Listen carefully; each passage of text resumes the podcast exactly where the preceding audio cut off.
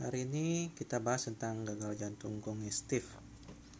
Gagal jantung kongestif adalah suatu gangguan multisistem yang terjadi apabila jantung tidak lagi mampu menyemprotkan darah yang mengalir ke dalamnya melalui sistem vena. Yang tidak termasuk dalam definisi ini adalah kondisi yang gangguan curah jantungnya terjadi akibat kekurangan darah atau proses lain yang mengganggu aliran balik darah ke jantung.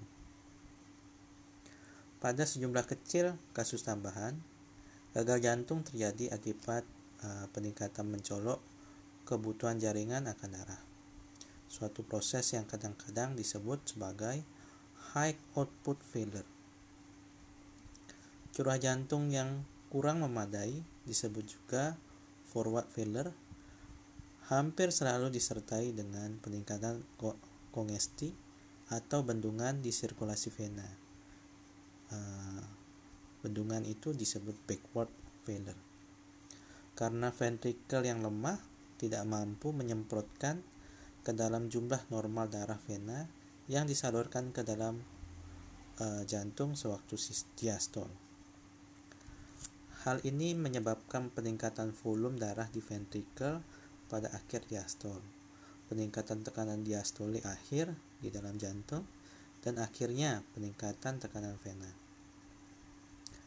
Gagal jantung kongestif mungkin mengenai sisi kiri atau kanan jantung atau seluruh rongga jantung. Penyebab tersering gagal jantung sisi kiri adalah hipertensi sistemik, penyakit mitral atau aorta, bisa juga penyakit jantung iskemik dan juga penyakit miokardium primer. Untuk penyebab tersering gagal jantung sisi kanan adalah gagal ventrikel kiri yang menyebabkan kongesti paru dan peningkatan tekanan arteri pulmonalis. Gagal jantung kanan juga bisa terjadi tanpa disertai gagal jantung kiri. Itu contohnya pada pasien dengan penyakit intrinsik parenkim paru dan atau pembuluh darah paru yang disebut cord pulmonal. Lalu uh, bisa juga pada pasien dengan penyakit pulmonal atau trikuspid. Keadaan ini kadang-kadang timbul pada penyakit jantung kongenital. Pada keadaan tersebut uh, terjadi pirau atau shunt dari kiri ke kanan. Nah, Sewaktu jantung mulai melemah, sejumlah respon adaptif lokal mulai terpacu dalam upaya mempertahankan curah jantung. Respon tersebut mencakup reaksi neurohormonal serta perubahan molekuler dan juga morfologi di dalam jantung. Salah satu respon neurohormonal yang paling dini terhadap, penurunan uh, curah jantung adalah peningkatan aktivitas sistem saraf simpatis. Katekolamin menyebabkan kontraksi lebih kuat dari otot jantung yang disebut inotropik positif dan peningkatan uh, kecepatan jantung. Namun, seiring dengan waktu, jantung yang kelebihan beban mungkin berespon terhadap peningkatan kebutuhan dengan mengalami berbagai remodeling, termasuk hipertrofi dan dilatasi.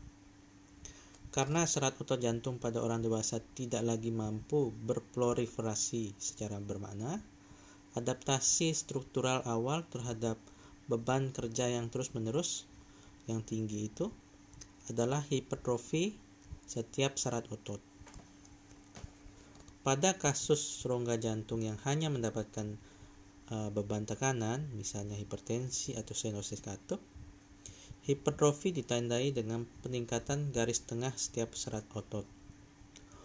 Pola pembesaran serat ini menghasilkan hipertrofi konsentrik klasik yang ketebalan dinding ventrikelnya meningkat tanpa peningkatan ukuran rongga jantung.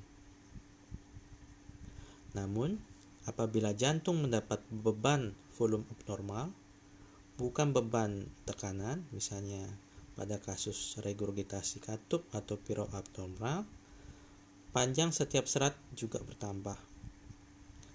Pola hipertrofi ini disebut sebagai hipertrofi eksentrik ditandai dengan peningkatan ukuran jantung serta peningkatan ketebalan dinding. Hipertrofi yang terjadi mula-mula berfungsi sebagai respon adaptif positif, hampir sama dengan hipertrofi serat otot rangka yang mungkin seorang atlet mengakomodasi peningkatan beban kerja. Meskipun memiliki manfaat hemodinamik yang potensial, hipertrofi ini perlu dibayar mahal oleh sel. Kebutuhan oksigen miokardium yang hipertrofi meningkat karena massa sel miokardium dan tegangan di dinding ventrikel ikut meningkat. Karena jaringan kapiler miokardium tidak selalu meningkat secara memadai untuk memenuhi peningkatan kebutuhan serat otot hipertrofi uh, terhadap oksigen, miokardium rentan terhadap cedera iskemik.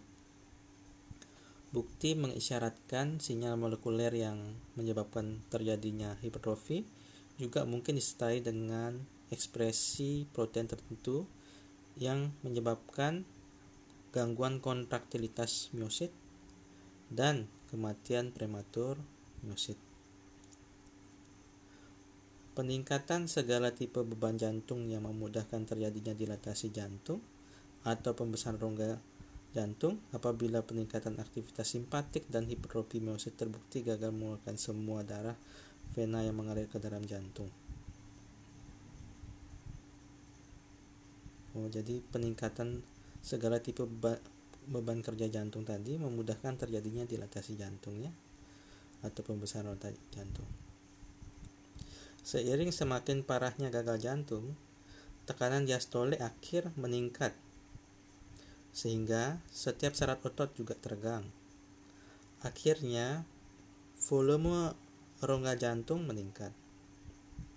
Menurut hukum Frank Starling, Serat yang memanjang ini mula-mula berkontraksi lebih kuat sehingga curah jantung meningkat.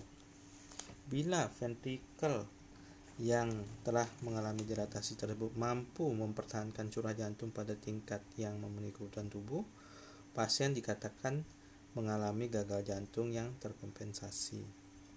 Namun dilatasi jantung seperti hipertrofi menimbulkan e, itu merugikan bagi jantung.